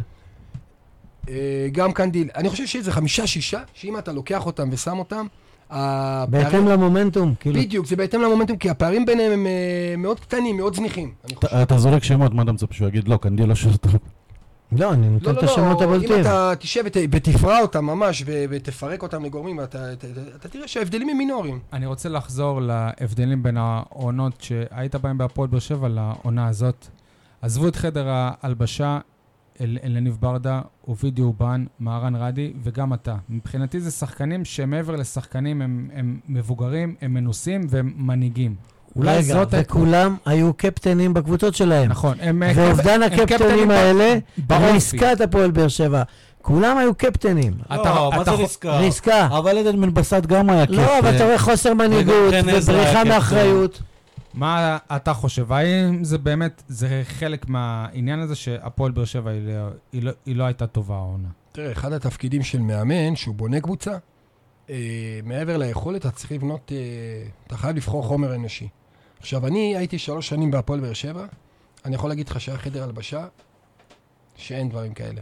אני הרבה שנים אה, בכדורגל, וזה היה חדר הלבשה מדהים, מדהים, מדהים, מדהים. השנה אני עזבתי, אז אני לא הספקתי, לי, כי כשאני עזבתי, ואז התחילו להגיע שחקנים חדשים אתה לא ראית איזשהו שינוי, אבל כבר, או אולי כבר בעונה שעברה, כי אני חושב שמה שקרה בפלייאוף בעונה שעברה, שנתתם פלייאוף אדיר, זה סינוור את כל המערכת ולא גרם להם להבין שצריך שינוי אדיר. אה, אז זהו, שהשינוי קרה פשוט אחרי שאני עזבתי. הרבה שחקנים הגיעו אחרי שאני עזבתי, ואני אני היום לא חי את החדר הלבשה מבפנים. אני לא יכול להגיד לך באמת, אה, אני יכול לכבוד את, ה, את התקופה שאני הייתי. כמו שאמרתם, היו הרבה שחקנים מבוגרים, אחראיים, מנהיגים, וזה בהחלט השפיע. ויש לך גם את שיר צדק ששכחת, גם ו- שיר צדק. יש נכון. לך שם, היו הרבה, איך- הרבה פיגורות. איך אתה מסביר את מה שקרה לשיר צדק? אתה מעלה את הסוגיה הזאת. הוא היה בלם על במונחים של הכדורגל הישראלי, הייתה את הפרשה הזאת, ולנו הוא נראה כמו שחקן גמרה אותו. אחר. אני לא מאחל לאף שחקן לעבור את מה ששיר צדק עבר, לשבת שנה בחוץ, בלי כדורגל, כמובן בסיטואציה, בגלל משהו בגלל שעשיתם משהו כולם. שאתה נכון, זה בעצם לא חף משהו... מפשע. אז מה, הסיפור הזה חיסל אותו? גמרנו את אז תראה, הקריירה? קודם כל, נפשית, מאוד קשה להתמודד עם זה. שקו, תוסיף לזה שנה שאתה לא נוגע בכדור, כן, אתה לא על המגרש. כן. אין הוקוס פוקוס, אתה מאבד את הכושר משחק שלך, ואז כשאתה חוזר אתה לשחק, בכלל- נכון. את- הציפיות משיר אה, אתם להיות שיר צדק, אבל... אה, אתם הרגשתם את זה מיד? כי אני חושב שכבר במשחקים נגד פלורה טאלין ראו שזה לא בדיוק. לא, אבל זה בסדר, בהתחלה יש חלודה, זה זה בטח, טבעי, זה- זה זה- שזה לא זה חוזר, הדרגה. זה ה... הוא אני- יכול לחזור ל... אני יכול להגיד לך שאני באופן אישי, שאפילו לא שיחקתי חודש נגיד, ישבתי בחוץ חודש, אתה חוזר למגרש, אתה, אתה לא יודע איפה אתה עומד, אתה לא מוצא את עצמך ב, ב, ב, ב, בסביבה. אז, אז שנה, אתה עוד חושב שהוא אה, יכול לחזור להיות שיר, שיר צדק ההוא שהכרנו? ברור, ברור, כן. יש לו את זה, הוא צעיר, מה, הוא צעיר, הוא פשוט צריך את המקום ש, שייתנו לו את השקט שלו, את הביטחון שלו, שיעזרו לו, ושייתנו לו את הזמן. כן, לגמרי. ג'ון אוגו עוזב את הפועל- את הפועל באר שבע. אתה חושב שהפועל באר שבע הייתה צריכה לעשות הכל, שזה אומר גם לאלונה, אם- אם הוא רוצה 800 אלף יורו, אז לשלם את ה-800 אלף יורו, או שאתה, או שאתה חושב שיש שלבים שבאמת צריכים להגיד אה, תודה ולהיפרד. אה. תראה, יכול להיות שג'ון הגיע למצב, והמועדון, שיש את השלבים האלה, הנקודה שבאמת אה, צריך להיפרד, כי... אתה לא חושב שצריך להתאבד כי על המועדון שחקן. לא רוצה לשלם לזר אחרי חמש שנים, זה הכל, בגלל זה הוא פה- לא פה. בגלל זה הוא לא פה. יש פה גם רק כלכלה. בגלל זה. זה גם עניין כלכלי, שמאוד קשה, אתה לא יכול לבוא להכריח מועדון לשלם סכום שהוא לא רוצה לשלם. ואני חושב שגם לג'ון יהיה טוב. אה, לצאת לאתגר חדש. ו- אפשר אה, להביא שחקן ברמה כזאת, אנחנו רואים את אה, טפוקו, זה לא אותו דבר. ת- לא יהיה טוב לבאר שבע בלי אוגו. טוני וואקמה וג'ון אוגו זה זרים שאני ספק, ספק אם אי פעם ידרכו בכדורגל הם הישראלי. הכי גדולים שאתה ראית בכדורגל הישראלי? ג'ון וטוני זה היה צמד. אה, מה הם. משדרגים בצורה אתה- עצומה? אתה לא נגיד מדבר עם מישהו בן 20, כאילו, אה, כן, הוא ראה פה את כן, כן, יעקובו, כן, הוא ראה פה... אתה חושב. שטוני, אם הוא היה נשאר אה, העונה, זה היה נראה אחרת? ברור, ברור. הם יכלו להיאבק על האליפות? טוני זה, זה עוצמות אחרות. טוני זה משהו אחר. אני עד עכשיו טוען שהאליפות זה לא ברק בכר ולא זה, זה הרבה, זה 70 אחוז טוני וואקמה. זה מאה אחוז אלונה ברקת. אוקיי, חבר'ה, אין אה, טוני, אין אוגו. שיחקת השנה עם מאור בוזגלו, ונגיד, אפ- אפילו אם אנחנו ניקח רק את אה, המשחק נגד אה, אתלטיקו מדריד, אתה תזכור אותו כמשחק האחרון שלך, כולם יזכרו אותו כמשחק שבוזגלו נתן צמד נגד אתלטיקו. מה זה שיחק? הוא אנחנו- חלק איתו ספסל ברוב העונה. אנחנו ביום שישי, היום ביתר אה, ירושלים הודיעו שהוא לא ממשיך לעונה הבאה. אני, אני יודע שיש גישושים עם אה, הפועל באר שבע. אתה ממליץ ש, שזה, לעשות שוב את החיבור הזה לשני הצדדים? זו שאלה קשה, אני לא יודע כמה say יש לי בעניין, אבל uh, מאור בוזגלו זה שחקן ש... שכל קבוצה שתזכה בו, היא תתברך. ת, ת, ש- תגיד, ש- אבל כמי שרואה אותו, הוא חזר להיות מאור בוזגלו של הפועל באר שבע? בתחילת העונה באמת היה לו את החלודה, ראו שעדיין זה, הוא צריך את הזמן שלו, אבל עכשיו לקראת הסוף הוא כבר אה, בהחלט חזר על עצמו. אני חושב שמי שתיקח אותו בעונה הקרובה בעצם תרוויח, כי העונה הזאת, מה שהוא עבר, זה עונה בשביל לחזור לעצמו, והוא בהחלט uh, חוזר לעצמו. השנה הבאה, לפי דעתי, הוא בהחלט יראה את מאור בוזגלו האמיתי. מבחינה מקצועית, הוא יכול לעזור להפועל באר שבע. והוא יכול לחזור לא רק להפועל באר שבע, לכל קבוצה שתיקח אותו. כש- כשביתר חשפה היום אה, כמה הוא דורש מהם, פחות או יותר. לא יודע אם ביתר חשפו, זה פרסומים חשפו. אוקיי, פרסומים. אז גם אם זה טיפה פחות או משהו, זה לא סכומים שבאר שבע תשלם, ואתה עדיין טוען שיש מגע. על פניו הוא מבקש מה שמבקשים לבן סער, מה שבן סער מקבל, נגיד, לדוגמה, לשם השוואה. מגיע לו ברמה הזו, מה? אבל בבאר שבע לא מוכנים לשלם את זה לבן סער. באר שבע לא רוצים אותו גם? אם הוא יגיד בחינם לבוא, היא לא תרצה אותו. נכון. לא, לא. כן, אני אומר לך שלא. אבל אני אומר לך שלא. שי, אם כמו שהיא לא רוצה להחזיר את דוד. זאדה, כי אני יודע את זה. יש אגו, כמו שהיא לא רוצה להחזיר את דוד זאדה, היא לא תרצה להחזיר אותו, את- כאילו את פגע בה. עזב אותה אתה וזה. יודע מה, אם יש לא. לה את הסכומים האלה לשלם משכורת, אז תשלם את זה על השכר, על דמי העברה של לא דן רוצה ביטון, ולא על היא מאור לא. רוצה. בוא נדבר שנייה על, אה, בוזגלו, על, האופי שלו, על איך הוא חוזר מכל המצבים האלה, וגם איך זה היה ברור שאם יהיה שחקן שיכבוש נגד אה, אתלטיקו, זה יהיה הוא. כי הוא חי את, אה, את המשחקים האלה, את הרגעים האלה. איך, איך אה, אתה, אתה, אתה, מסביר את הבן אדם הזה? מאור הוא ווינר בנשמה שלו, הוא באמת, אה, אם תראה תמיד במהלך הקריירה שלו, תמיד כשהיית צריך אותו הוא שם. אה, וזה משהו שאי אפשר לקחת ממנו, את האישיות שלו, מעבר לכישרון שיש לו. יש לו את זה, אין, זה... אתה דיברת איתו על העזיבה שלו של, אה, של אה, באר שבע, אולי הוא עשה טעות. הוא בהחלט, אה, הוא לא אומר שהיה טעות, אבל הוא בהחלט אומר שזה, השנים שלו פה היו השנים הכי טובות אה, ever. יש לו איזו תחושה של אה, החמצה. בטח, בטח. הוא גם אשתו הייתה מאוד מחוברת ל- ל- לעיר ול... אה, היה להם מאוד קשה פה כשהם עזבו, מאוד. דודו, מה צריך ילד שיכולים להיות שוער, להיות דודו גורש? איזה טיפים אתה נותן לו? להפסיק להיות קשר, לעבור להיות שוער, זה קודם כל. אה, תראה, אה, טיפ אחד, אין טיפ אחד, אה, אבל, טיפים. אבל תעבוד, תעבוד קשה ותהיה סבלני. ומעבר לזה, מבחינת כן, איכויות מקצועיות. אולי בגיל כמו ש- 35 תזכה באליפות ראשונה. תמתין בסבלנות. כן. אגב, אגב, אבל גם דודו זה גם, זה גם סיפור שקשה לראות אותו היום, היום בכדורגל הישראלי. מי- מאיזה גיל אתה שוער ראשון? אני ככה, אני בעכו בגיל 18, היינו בליגה שלישית, הייתי שוער ראשון, בבוגרים. באמצע העונה, עברת לפתח תקווה עברתי למכבי. פתח תקווה, הייתי בחצי עונה הזאת בליגה ראשונה, שוער ראשון, ואז שנתיים אחרי זה הייתי שוער אה, שני שם. אה, ואז חזרתי לעכו, ואז הייתי 14 שנים רצוף שוער ראשון אה, בעכו. אז, אז נגיד אם הוא חזר לע- לע- לעכו בגיל 21 ונהיה ונהיה שוער ראשון, היום לא נותנים לשוערים בגיל הזה לשחק. אתה רק בגיל 20 מסיים את החריג נוער, ואז אתה יוצא להשאלות, שגם בשאלות אתה כנראה שוער שני כמו רז רחמים נגיד, ואתה מגיע לגיל 25 שלא, ש- שלא שיחקת. נכון, אבל אה, אתה צריך להבין שאצל שוערים הפריחה היא מאוד מאוחרת. אם חלוץ בגיל 21 הוא בשיא שלו, שוער בגיל 21 זה כמו אה, חלוץ בגיל 14. ה- גם פיזית, גם אה, אז מי מנטלית. שלא משחק, הוא לא צריך להתייאש. לא, מה פתאום, אומר. אתה לא צריך לצפות, להפך, אני תמיד אומר לשוערים, מגיל עד 20, ו- 20 ועד גיל 24, 5, בתקופה הזאת שאתה לא משחק, שם אתה צריך לפתח את עצמך. זה הזמן שלך לעבוד הכי קשה שאתה יכול. כי כשאתה משחק, אתה כבר לא יכול להעמיס, להגיע לעומסים האלה. אז גל נבון עוד יכול להגיע לנבחרת. ברור, מה זה? זה לא, באמת? ש... זה לא בשאלה בכלל, הוא ילד, מה? אז אפרופו. זו הייתה תקופה שהיו שוערים באר שבעים בכירים. אסי רחמים, מיקי דהן, שאול סמג'ה. שאול סמג'ה, יהודה אלוש, אבי פרץ, ששיחקו פה ובקבוצות אחרות. כולם יותר צעירים מדודו. וכבר, וכבר עשור או יותר אין שוער באר שבעי. זה לא שאין, לא מעלים. ויש שמות. אתה, אתה מכיר אישית. באר שבעי שיכול להיות שוער בליגת העל? הוא אמר לך אני מכיר את רז רחמים, ואני התאמנתי איתו, ואני מכיר את אה, עמית קרן, שמתאמן שם, שהוא ילד מאוד כישרוני. הוא לא באר שבעי, אני הוא חושב. לא באר שבעי, הוא גם יכולים להיות מחלקת שוערים, הנוער. הם יכולים להיות שוער- בהחלט. שוערים. את. אביעד מיארה אתה מכיר, את דוידי. זה, לאו דווקא השוער הכי כישרוני הוא זה שיגיע. גם שחקנים אגב. זה לא, נכון. זה לא תמיד הרבה- הכישרונים, זה לאו הרבה דווקא. אופי, הרבה התמדה. הרבה הרבה אופי, הרבה התמדה וסבלנות, כי אני למשל, שבגיל 21 חזרתי לעכו בגלל שלא שיחקתי, רציתי לשחק. אני ירדתי לליגה שלישית בשביל לשחק, ליגה שלישית. מליגה ראשונה לליגה שלישית.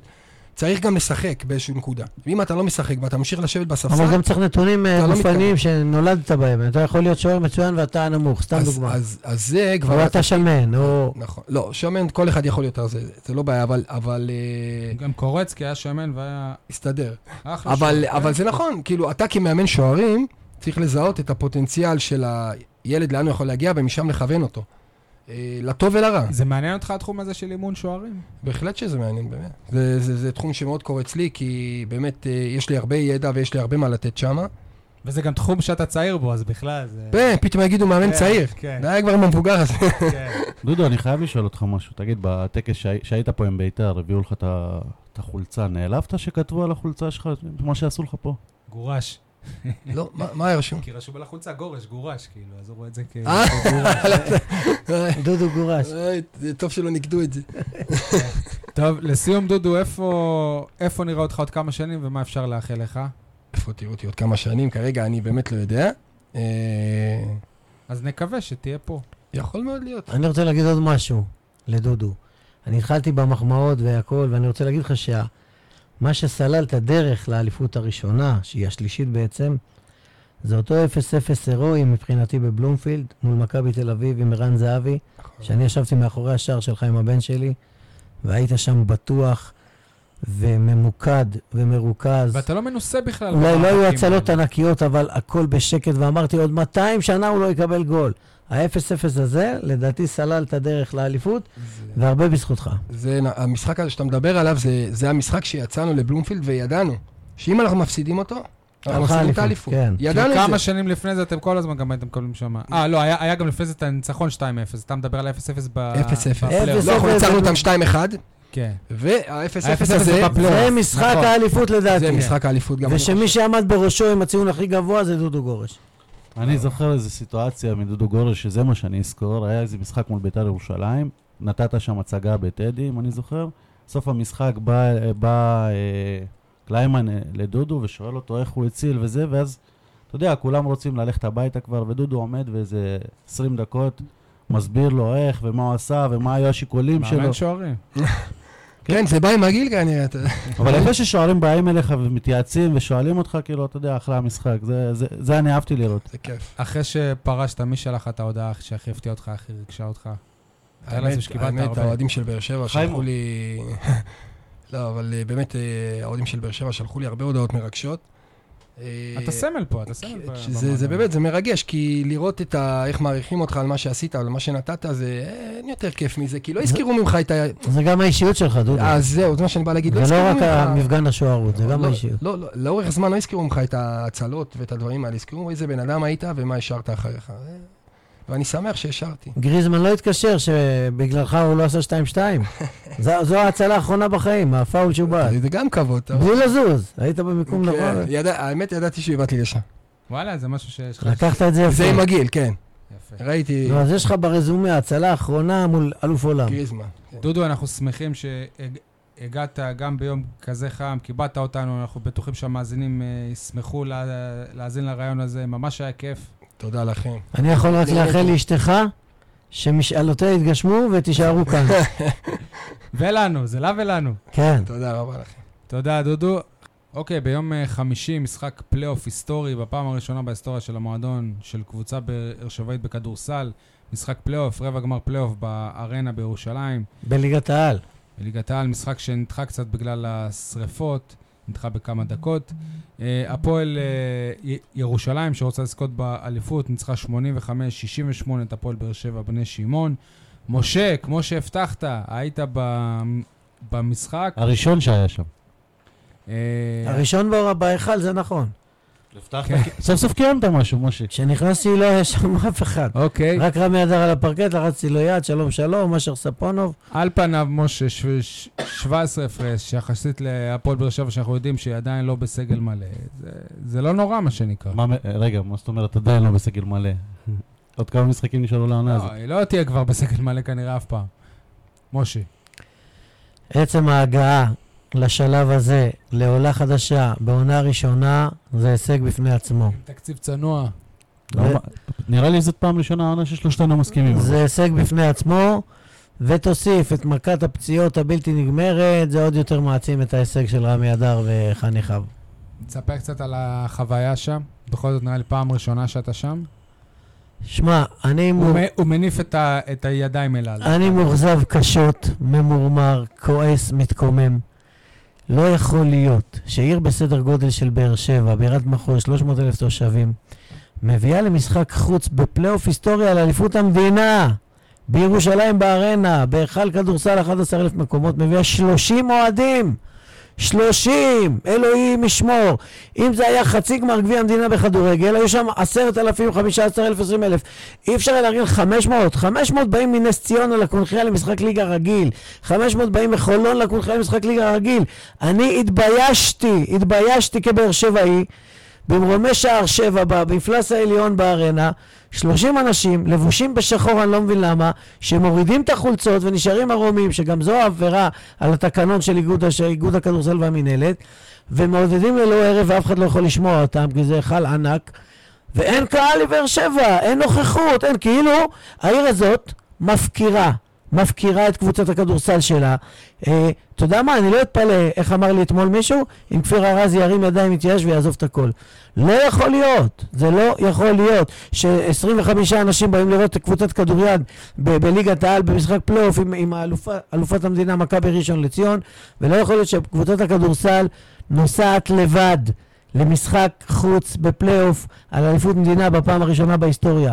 לא מתקבל על הדעת, ביום חופש, ל"ג בעומר, צעירים, נוער. אני שואל, איפה העירייה? איפה ראש העיר? אבל יש לי סיבות מקלות. איפה ראש העיר? איפה המועדון? ואתם יודעים מה, לא פחות חשוב, איפה התקשורת ובדגש, איפה רדיו דרום. לו אני הייתי שם, כמו לפני 22 שנה, זה יום שידורי מיוחד. ראיונות, מה? יש מטריף את יש העיר. מחלקת ספורט ברדיו דרום? מה, לא, אין שום דבר, וזה חלק מהעניין. אני דואג שיהיו לפחות 500 אנשים, עשרה אוטובוסים, מה הבעיה? רק 200 שחקנים ממחלקת הנוער של הפועל מה באר שבע? זה כבר. אבל אתה צריך שיהיו אנשים לאוטובוסים האלה. אז אני אדאג להביא את האנשים האלה. אין באז סביב הקבוצה. מחלקת הנוער רגע, הם אה, חייבים לבוא. אין. באז סביב הקבוצה. אפשר להיות רגע על תקן אחד- של האוהדים? המון אנשים לא יודעים שיש משחק בכלל. עזוב, לא לא יודעים. מישהו פה חשב שבאר שבע יכולה לנצח במשחק הזה? לא קשור. קשור. לא. כי אם מההתחלה אתה יודע שאין שום... למה מצ- לא? אבל זה ספורט, זה זה חלק מהספורט. למה לא? זה לא... זה- בוא נגיד שהסיכוי היה מאוד מאוד נמוך, אבל כאילו... למה לא? למרות שקרון ג'ונסון חזר לסגל ואפילו שיחק וכלה. והכלים שלך מוגבלים. ואין לך אוהדים. אה, והסיכויים שלך לנצח הם... הם- הסיכויים של שלך לנצח. הם קלושים, ובכל זאת, מבחינתי, זאת אזרחות באר שבעית טובה. איך אמר אה, דודו גורש לפני כמה דקות? הקהילה, המדינה בפני עצמה, באר שבע, איך העיר הזאת לא עוטפת באהבה, לא מחבקת, לא נותנת מעטפת לקבוצת הכדורסל הייצוגית, ש-40-50 שנה פיללנו שתהיה לנו קבוצת כדורסל בליגת על. אתה מגיע למשחק פלייאוף ראשון. בזה אני מסכים איתך, זה צריך להתנהל אבל- אחרת, וזה צריך להיות לא רק הקבוצה, צריך להיות ראש- העירייה. אמרתי, ראש העיר, העירייה, יש להם כלים, מספיק כלים לפרסם, שלטי חוצות, עניינים, שומעים ג'ינגלים הם ברדיו. עסוקים בהפקת מלא מלא דברים. אה, בני נוער שנמצאים הם בחופש, כרטיסים. בבתי ספר בחינם, תביאו, מחלקת הנוער של הפועל באר שבע והתקשורת, רבאק חשיש, איך אתמול היה שידור ישיר, רבאק חשיש, אתה שמעת? איך אתמול היה שידור ישיר של רדיו דרום מהמשחק הזה? איך יכול להיות דבר כזה? אני באוטו נוסע לביג. לא שומע כמה כמה, מי נגד מי, אנשים לא יודעים אפילו. אין בה סביב הקבוצה הזו. אוקיי, סבבה, קיבלנו את הטענה, משה. דבר נוסף, יפה. שהוא גם כאילו שולי ומסביב. אתה יוצא מהארנה בירושלים, אתה צמא, אתה רעב. במתחם, ב, כאילו בחומות החיצוניות, מסעדת ארומה, מסעדת זה, אנשים יושבים, בא טרוויס ווריק, בא בן אייזנארט, באו עם אנשים, ישבו, אכלו, שתו, ישבנו, אייל ואני...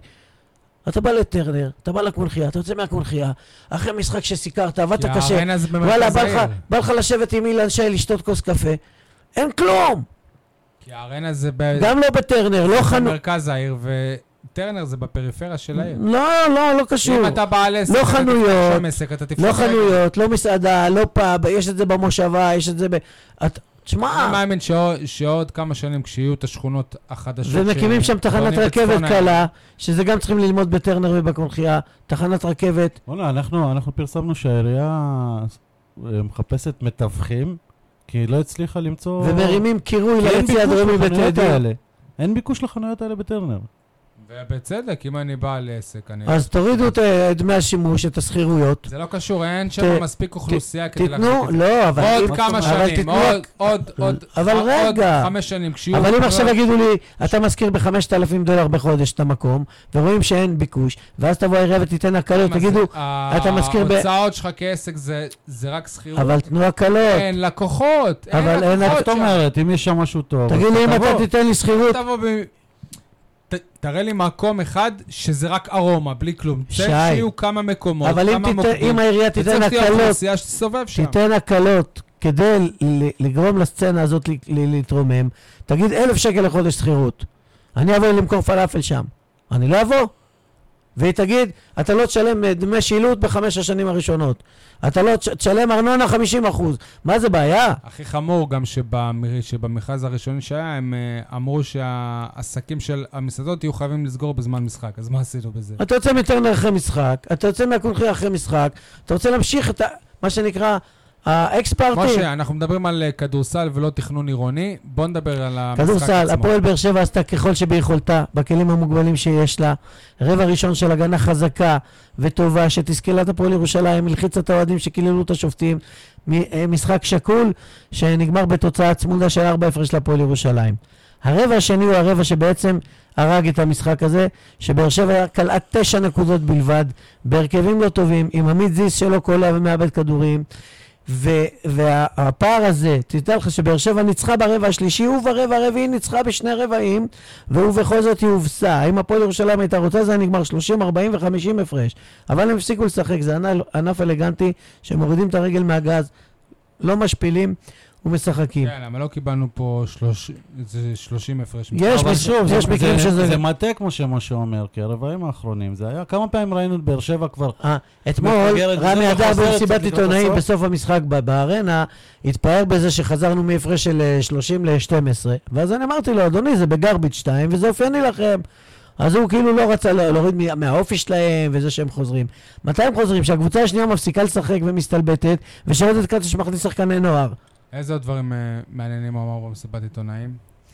שרוברט רוטברט לא יחזור לשחק עד סוף העונה. הופה, ומי? אמר לשאול שהוא סיים את העונה? אני- אני התעקשתי לשאול שהוא, כי שמעתי שהוא חולה. אז הוא לא אמר לא שהוא חולה ולא שהוא פצוע, הוא פשוט אמר בנחרצות, בסמכותיות, בעצבים אולי אפילו, הוא לא יחזור לשחק עד סוף העונה. לדעתי, יש חתול שחור שעבר ביניהם. שזה מהיום שווטסון. הגיע, מהיום שווטסון הוא הגיע, הוא לא שיחק. ראינו בשפת הגוף, ש... בשפת הגוף בתנועות, בצעקות של רמי אדר על אה, רוטברט, שהוא לא מחזיק ממנו, או שהוא לא משחק לפי השיטה שלו. אמנם הוא הרבה יותר טוב משני הסנטרים המחליפים של דונלדסון, ביחד, בין אייזנארד ורמי ישבו, גם בנקודות וגם בכדורים חוזרים, אבל הוא לא עושה הגנה חזקה, הוא לא שולח ידיים, הוא לא שומר טוב, הוא לא זה, הוא לא זה. אז אין לנו רוברט רוטברט. עוד עוד ניוז אחד, אם ציפינו שטיילור ברון י- יצטרף לסדרה הזאת וישחק ביום ראשון בקונכייה בשמונה וחצי מול הפועל ירושלים, ואולי נצליח לגנוב, לגרד איזה ניצחון, שלא יהיה סוויפ מפואר של 6-0 עונתי, אז זה אומר שרמי אדר שלדעתו אה, טיילור ברון לא יחזור. אה, לגבי המשחק, הוא אומר שהוא ינתח, ינתח אבל בווידאו. זאת לא הפעם אה, הראשונה שבמועדון הם טוענים שהשחקן הוא ייעדר לככה וככה זמן, והנה הוא לא חוזר. הודה רמי אדר שיכול להיות שההרכבים שלו ברבע השני לא היו טובים והוא צריך לבדוק את עצמו, שהוא צריך לנתח בווידאו במשך כל הלילה את ההרכבים ואת המשחק ומה גרם לבריחה הזאת של הפועל ירושלים שניצחה נדמה לי 27-9 ברבע השני בלבד ובעצם פתחה את הפער שאי אפשר היה לחזור ממנו. אני אמרתי לו שהוא יכול לנתח ולהגיע לתובנות מקצועיות אפילו נכונות אבל זה לא יעזור לו כי ברגע שהפועל ירושלים רוצה ולא שמה רגל על הגז היא נותנת פור ורצה, קולעת, אה, עושה מה שהיא רוצה במגרש ואתה לא יכול לעשות שום דבר מול העומק שיש להם. מה אפשר להגיד לקראת המשחק הבא ביום ראשון? באיזה שעה בקונכייה? שמונה וחצי בקונכייה. אפשר להתפלל שיהיה משחק שקול, כמו במשחק הראשון, הראשון, הראשון. הפועל באר שבע לא יודעת להתמודד עם ג'יימס פלדין, שחקן ברמת יורוליג, שבארבעה משחקים מול הפועל באר שבע שירושלים ניצחה, הוא היה הקלעי הבולט. וגם במשחק האחרון, 28, אגב, גם 27, הם סגרו 17. את סווינג אתמול, ו... סווינג עלה. רק חמש נקודות, והיו לו דווקא כמה אה, קליעות פנויות, אבל אה, הוא החטיא והחטיא. ותשמע, דונלדסון בארבע גם- עבירות ברבע שלם אחרון שיחק ו- ונמנע מלעשות עבירות. המשחק ביום אה, ראשון אמור להיות משחק הפרידה עונה של האוהדים בקונכייה. אבל- לא, אם אתה מנצח, אז יהיה משחק נוסף. כן, אני אומר, אמור, אנחנו... אם הקונכייה תתמלא ב-2,500 אנשים, לא ב-3,000, אתה תפסיד בכל מקרה. 500 מירושלים ו-2,000 מבאר שבע, וייתנו אווירה ביתית, וידחפו, ויעודדו וזה, הסיכוי שזה יקרה הוא כמו הסיכוי... והקבוצה יכולה. להתעלות על עצמה, וירושלים קצת בשאננות, וקצת בחלוקת דקות לשחקנים צעירים, אז אולי אפשר אה, לעשות... שמע, עשינו את שלנו העונה, זה בטוח, לא רק שנשארנו בליגה, הגענו לפלייאוף, אוקיי? בסדר, אבל אפשר קצת בצורה יותר מכובדת, ו- ולהראות שהקבוצה הזאת חשובה לעיר. אני אומר לכם, בסוף כפיר ארזי והאנשים הטובים שנמצאים שם, תומר ירון וחבריהם, יברחו. וחבל, כל כך הרבה שנים חיכינו. נכון שצריך לבנות מסורת וזה לוקח זמן ואי אפשר לצפות בו נחת, אבל להביא האלה 30 צריכות- אנשים! השאלות האלה צריכות... זה מבזה, זה מקומם. את רוביק דנילוביץ', שמדיר לא את אותו, בקבוצה. הוא לא- לא בא למשחקים. מנכ"ל רדיו דרום, אמנות הבינוניות. למה אין שידור? למה אין יום שידורי מיוחד? למה אף אחד לא דוחף? פינות ספורט של רבע שעה שהן בעצם 3-4 דקות כי יש פרסומות לפני ופרסומות אחרי וחדשות ולא יודע מה, והם רק קוראים ידיעות מהאינטרנט ולא מעלים לשידור ולא מביאים קולות מהמגרשים ולא עושים שום דבר. תגיד לי אתה, איך זה יכול להיות הדבר הזה? אני לא מבין. איפה הקהל הבאר שבעי? איפה חובבי הספורט? גם לכדוריד, גם לכדורסל. איפה אתם?